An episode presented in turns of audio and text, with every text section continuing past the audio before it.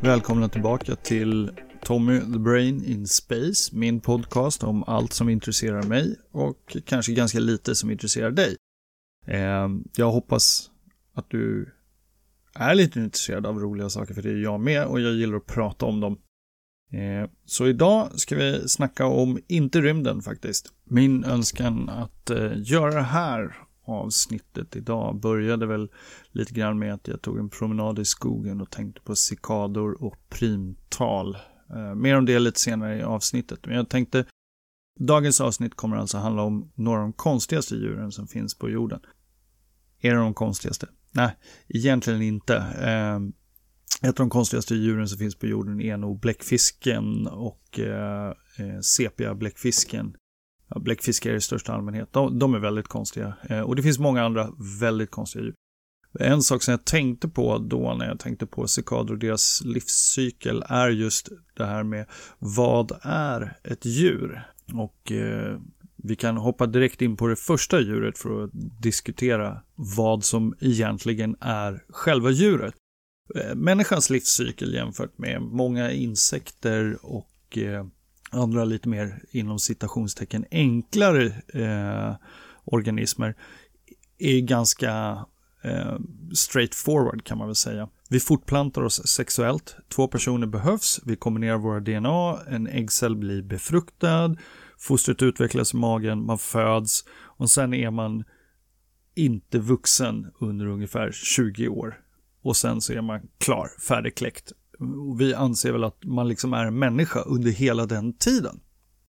Så här ser det inte riktigt ut för alla djur här på jorden. Det första djuret jag tänkte nämna i förbegående som är ett sånt här djur. Vad är djuret egentligen? Det är trollsländor. Och då, då, när jag gjorde research för det här så insåg jag en sak jag inte visste innan och nu kommer du få lära dig det här idag.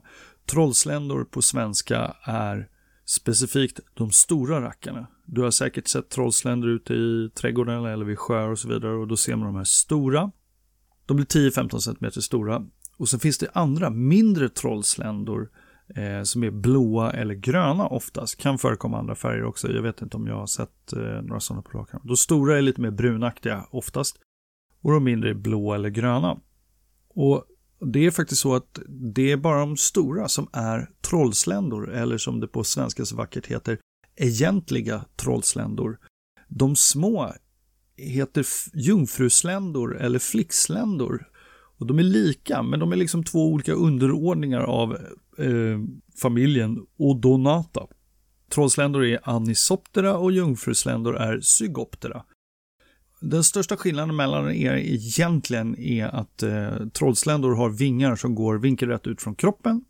Medan jungfrusländorna, de kan fälla ihop vingarna så att de är platta mot varandra och upp bakom på ryggen. Så det jag tänkte prata om nu då, det är ju trollsländer, de egentliga trollsländerna. Och det är alltså de här som är 10 cm långa helikoptermonster som flyger omkring och tänker för några miljoner år sedan var jag halv meter lång. Eh, och det tänker vi också när vi ser dem. Eh, gud vad skönt att de inte är en halv meter långa längre. Eh, det här är alltså insektsvärldens främsta flygande rovdjur. De är otroligt duktiga på att flyga. De är helt och hållet rovdjur. De jagar med sin flygförmåga och superba syn. De fångar ett byte, så biter de dem i huvudet, flyger iväg till en lämplig plats, sliter av vingarna och äter hela bytet med huvudet först. Och en trollslända kan äta upp till en femtedel av sin vikt i mat per dag. För mig, för den som håller ordning på sådana här, så motsvarar det ungefär 15 kilo mat per dag. De är så skickliga jägare att när de jagar så fångar de 95 procent av bytena de attackerar. Det är ganska bra stats. Men är trollsländan egentligen ett djur? Finns de på riktigt? Ja, rent tekniskt finns de ju i allra högsta grad och de har varit med oss minst 300 miljoner år. Men de lever bara någon vecka som egentliga trollsländor. Men det är bara lurendrejeri. Det är bara deras slutgiltiga form. Efter att de kläcks ur sina ägg, som ligger i klumpar om upp till 1500 stycken, glider de ner på botten av sjöar och dammar och lever som nymfer. Och vilket liv det är! De andas genom att de har gälar i rektum, det vetenskapliga namnet för röven. Eh, de jagar med en utskjutbar käke, underkäke, som de spetsar mygglarver, grodyngel och andra små oskyldiga varelser med. Vid behov kan de skjuta ut vatten ur rumpan för att fara fram med hög hastighet. Så här terroriserar de bottnarna av våra sjöar tills de är redo att ta sig upp ur vattnet och förvandlas till en trollslända för att sedan terrorisera skyarna runt sjöarna. Förvandlingen är ganska enkelt. De eh, klättrar upp ur vattnet på ett vasstrå till exempel och sen så spricker ryggen upp och de tränger sig ut i sin nya form varpå exoskelettet kan hårdna och vingarna fyllas med lymfvätska av något, slag, lymfvätska av något slag för att bli riktiga och flygbara med. De har inget puppastadie som fjärilar till exempel, utan går rakt från nymf till trollslända. Eh, vilket ju känns lite konstigt för att det är ju ett annat djur. De har inte samma kroppsplan under skinnet. Nymferna har inga vingar, så vingarna växer till sig medan de är nymfer. Efter sista ömsningen av skinn så måste de äta och äta och äta och samtidigt så växer det liksom ut nya kroppsdelar inuti det nya exoskelettet som de ömsade till, till det nya skinnet. Eh, och trollsländarnas huvud har inte samma käkutformning som nymfen. Så det, det, här är ganska intressant att det, det är liksom ett djur som kryper runt på botten och sen så ändrar det bara form inuti sig själv, kryper upp i vattnet, kläcks och flyger runt som en trollslända. Men en av anledningarna till att jag undrar om trollsländor egentligen ens finns är ju att det här nymfstadiet kan de leva i från tre månader i upp till fem år. Och sen så lever de alltså i högst en månad. Det finns arter som kan leva upp till en månad som faktiskt trollslända. Så, vad är det här för djur egentligen? Är det en trollslända eller är det en nymf? Djur som genomgår metamorfoser är ju ganska märkliga och svåra att relatera till. Som jag nämnde tidigare så börjar vi som odugliga köttpaket när vi föds som växer till. Men det är inte som att här, när vi kommer till puberteten så river vi av oss skinner och kommer ut som helt andra varelser än vad vi var innan. Vi förändras. Det är en viktig fas i mänskliga, mänskliga, människans utveckling när vi går igenom puberteten och blir könsmogna som det heter. Men vi har inte en enorm transformation på det här sättet. När vi pratar om djur och arter så är ju djuret liksom en sammanhållen biologisk process som går från ägg till nymf till trollslända i det här fallet och sen runt igen. Men det som jag tycker är så intressant är att försöka förstå hur hände det här genom evolution? Det var alltså en stor fördel för trollsländernas föregångare att vad? Att utgå från ägg och bli nymfer och äta under vattnet, andas med gälar. Okej. Okay. Men för att para sig så var det eh, en grupp av nymf, sjövattenlevande nymfer som fick en mutation som sa jag förvandlas till ett flygande djur och flyger omkring och jagar och para med istället som gav fler fördelar. Det finns ju ganska mycket arter av flygkreatur som lever i sjöar och sen kläcks och bara parar sig under några timmar. Och där kan man ju lite mer, de äter inte, de har ingen eh, de tar inte in kalorier under sin slutform som bara är till för att paras, utan de lever eh, bara för att para sig och sen så dör de efter en dag, kanske mest.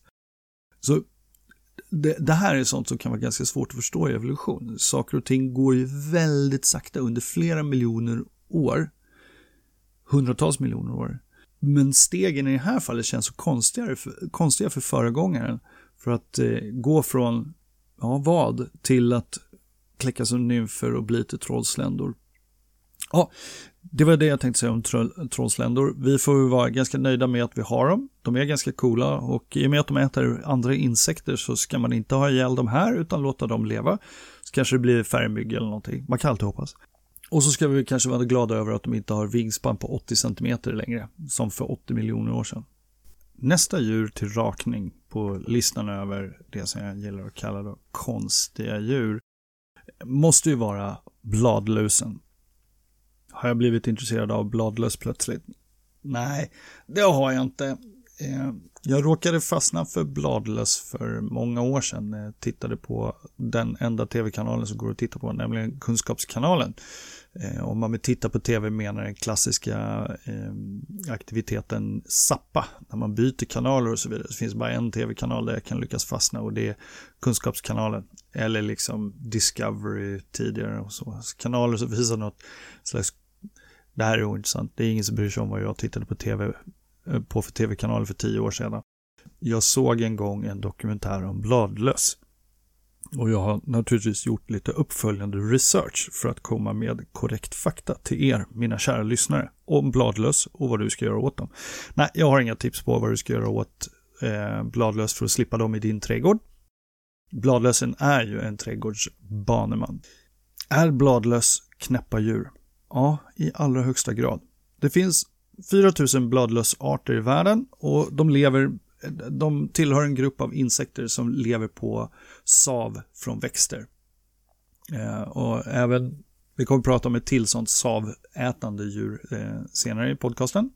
En bladlös sätter sig på en växt, suger i sig sav. Och eh, en av anledningarna till att bladlöss anses vara skadedjur är att de suger i sig näring och rubbar en växts hormoner och annat och det kan leda till att eh, växten deformeras. Själva sugandet kan liknas vid hur en mygga suger blod. De sprutar in en skvätt av sin egen saliv och det gör ju då att de sprider virus mellan växter.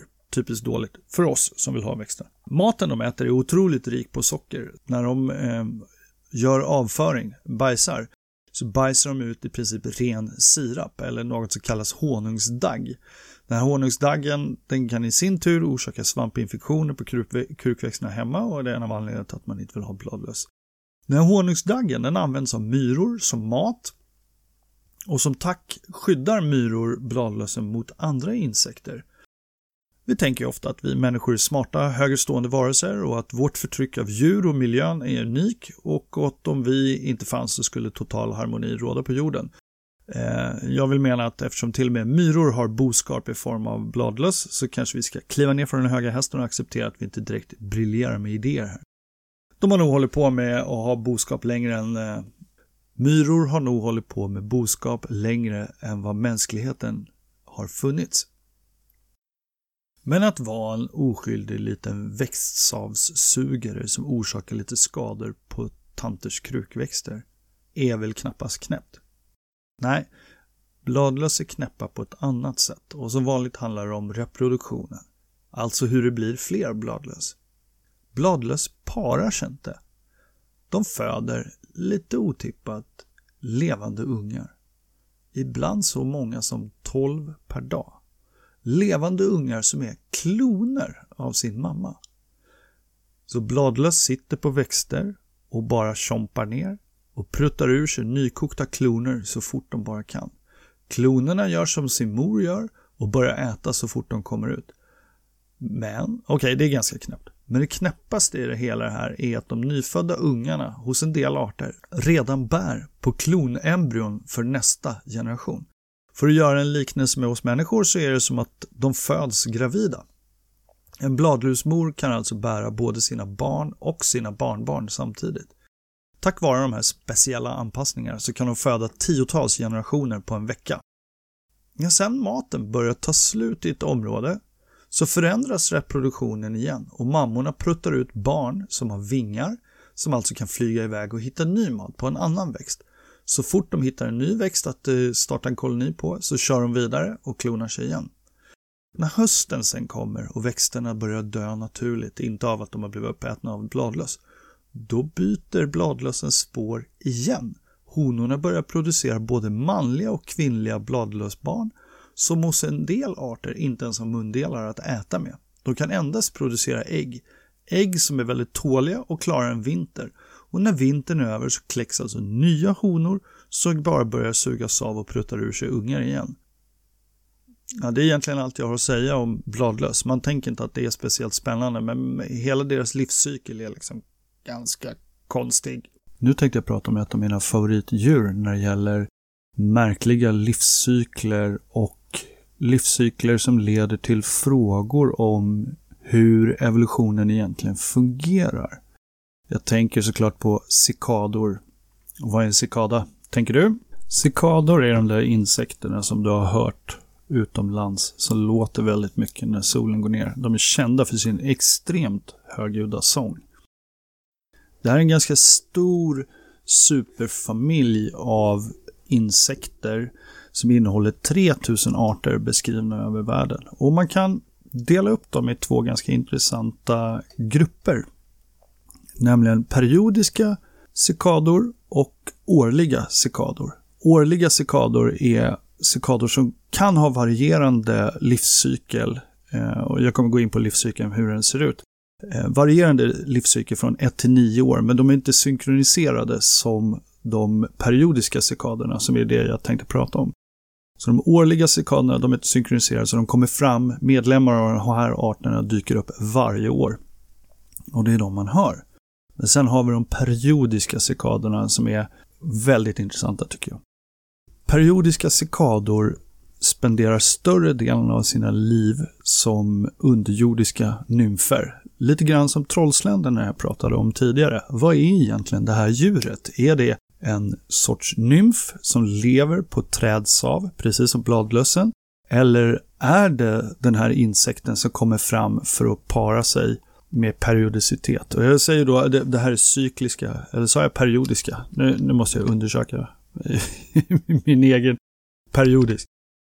Så vad menas då med de här periodiska cikaderna? Vad, vad innebär det? Jo, en cikadas livscykel ser ut så här. En hona lägger ägg i en skreva vid ett träds bas, vid rötterna av ett träd. När äggen kläcks så kryper det ut nymfer ur äggen som sätter sig på rötterna till trädet och börjar suga saven.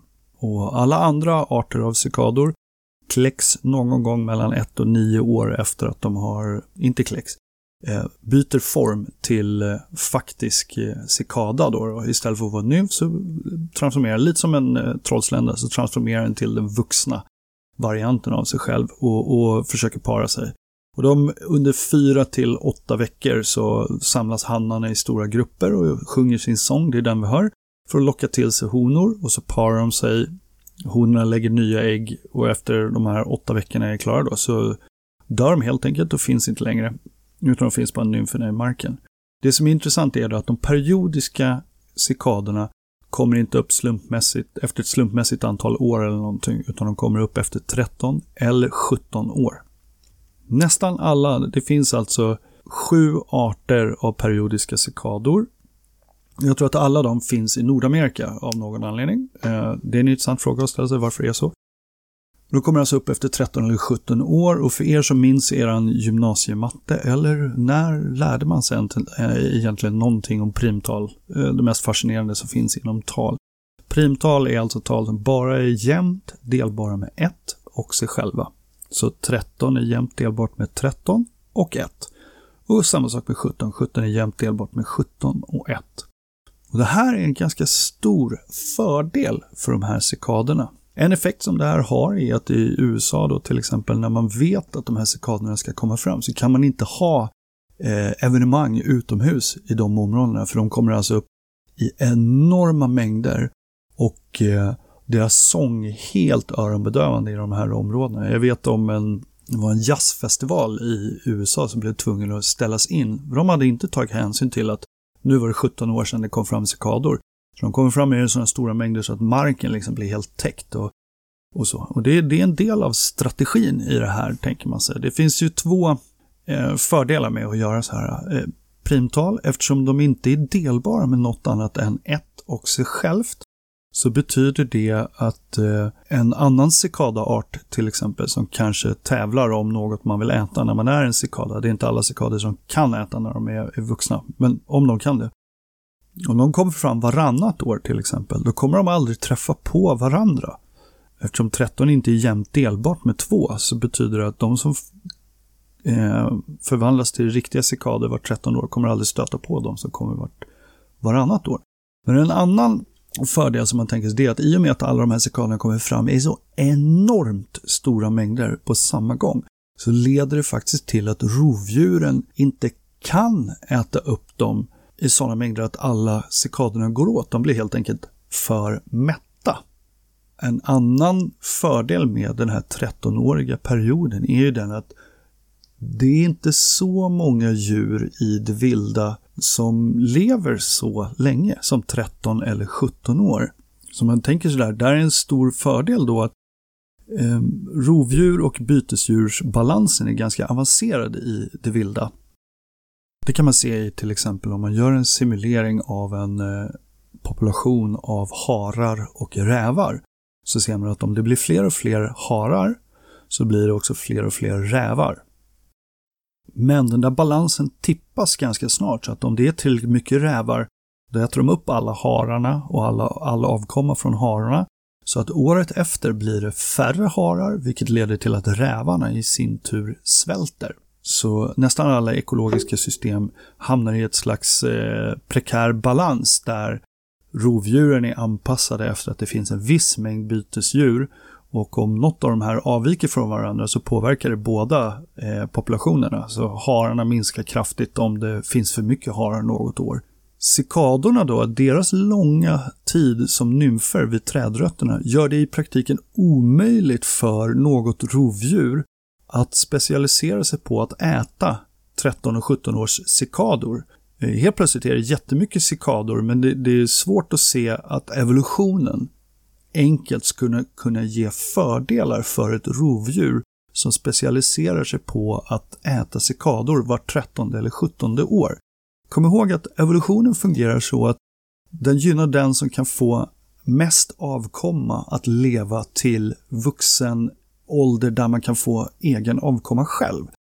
Den är, evolutionen liksom agerar ju inte med tanke eller riktning eller något sånt här, utan det är helt enkelt så att den som kan få mest avkomma, som lever till ålder där den själv kan få avkomma, vinner inom citationstecken. Så det är svårt att tänka sig, om du tänker de rovdjur som finns i USA så är det vilda katter, kanske någon form av ja, olika ekorrar och gnagar, råttor och fåglar eh, som kan äta cikaderna. Men hur ska de dra fördel av att det var 13 eller vart 17 år finns extremt mycket mat på ett sätt som är mer fördelaktigt än för alla andra rovdjur som lever på den mängd mat som finns i största allmänhet.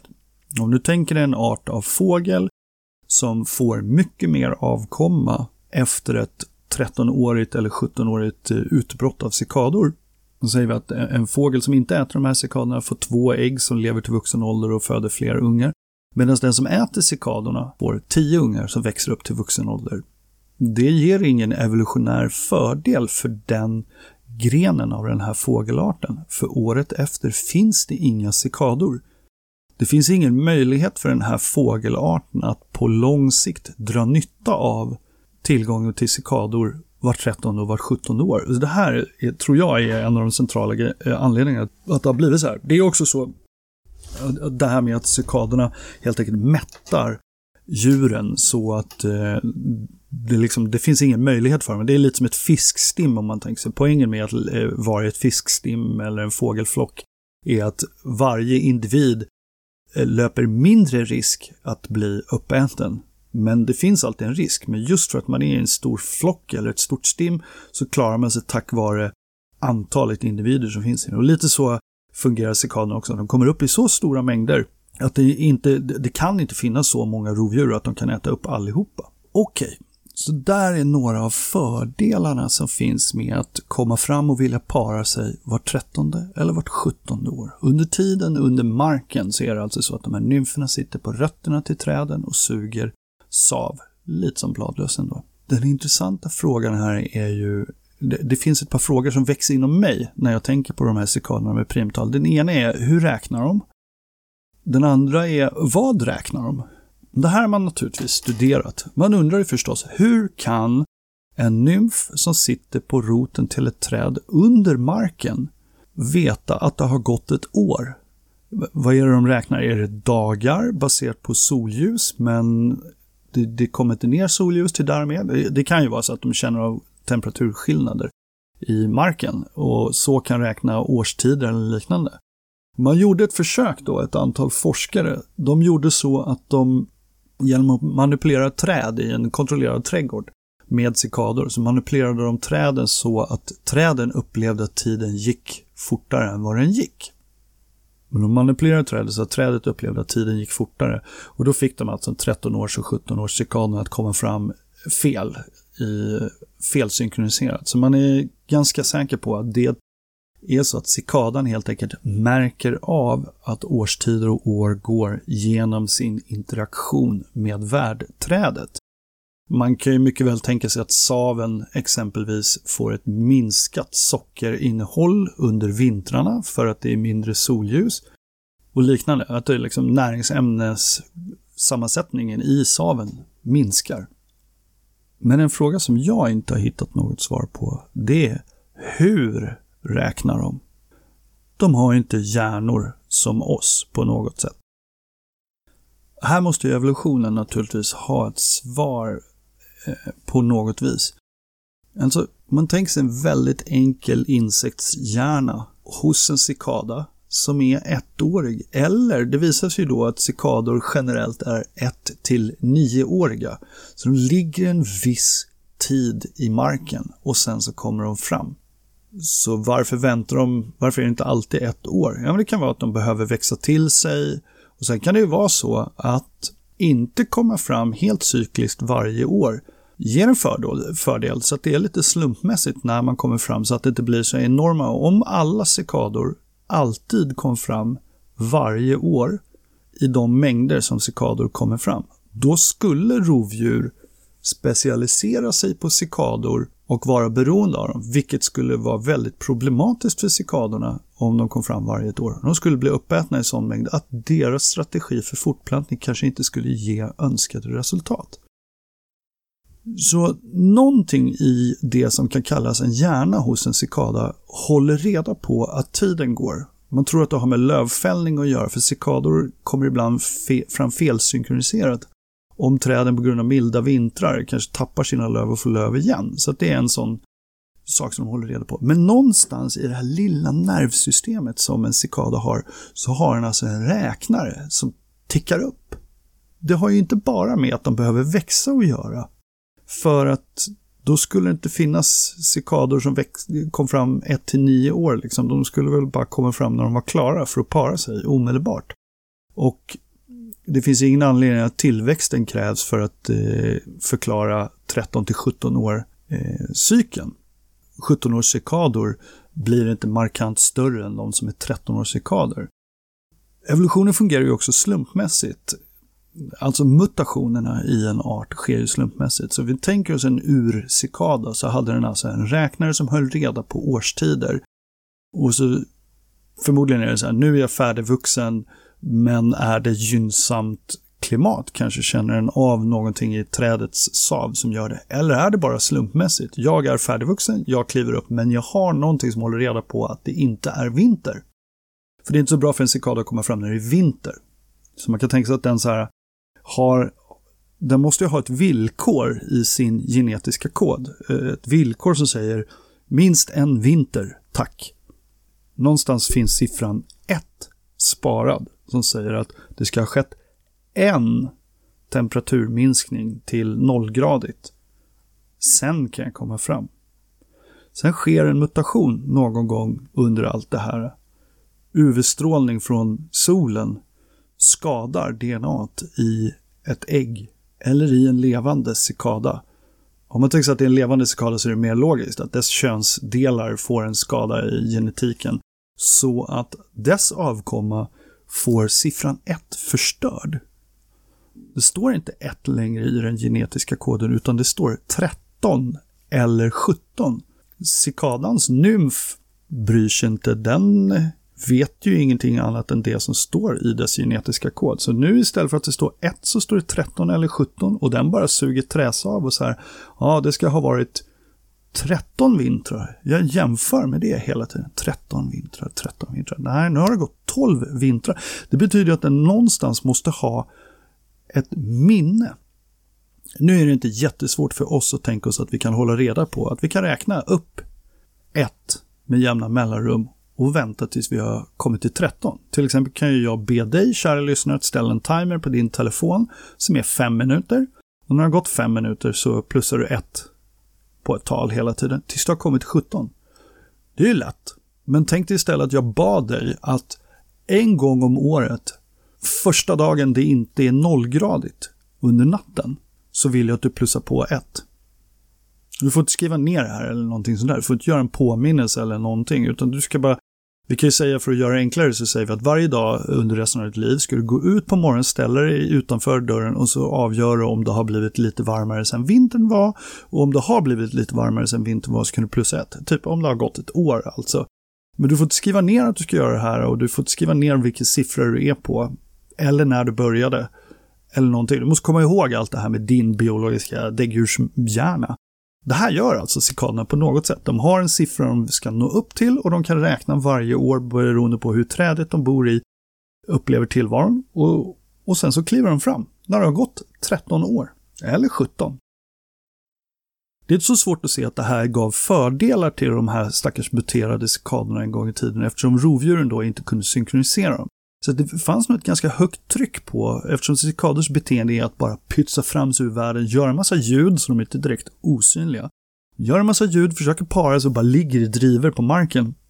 Och är generellt otroligt kassa. De har visst kamouflage, men de kan inte försvara sig, de har ingenting att bitas med, de kan bara suga trädsav. Och de kan flyga ganska dåligt, vet alla som har varit i Thailand på thaiboxningsgalor och fått cikador i facet för att de är där inne lockade mot lamporna. Men det har inte hit. Min fobi för insekter har ingenting med den här podcasten att göra. Och det är ganska intressant att tänka sig då hur evolutionen funkar på de här tidsskalorna. Hur lång tid tar det för en insekt att utveckla förmågan att ha en siffra den håller reda på och den siffran är ett. Och så behöver den bara att det blir kallt och sen när det inte är kallt, då ska den komma fram om den har vuxit färdigt. Så den har någon slags logiskt villkor där i sig. Och sen tänker man sig den som har en muterad siffra i sin genetiska kod som är 13 eller 17. Det tar ju lång tid för, få, för dem att få fördelen. Men det kan ha varit så att det var kläckningen för, och det här är så intressant med evolution, det kan ha varit kläckningen från en cikada med skadad DNA som gav upphov till hela den här klimpen av cikador som kläcks var 13 och var 17 år. Livet är fascinerande och hur det uppstår är ganska coolt. Och sådär. Jag kommer återkomma till det här i ett framtida avsnitt. Det här var det jag hade för idag. Eh, om du vill stödja podcasten så kan du gå in på www.patreon.com kidvos. Du kan även kolla efter Tommy the Brain in Space på Facebook. Det är facebook.com thespacebrain. Jag ska försöka bli lite mer aktiv och lite mindre ångestfylld gällande produktionen av avsnitt så kanske jag kan få upp takten på det här.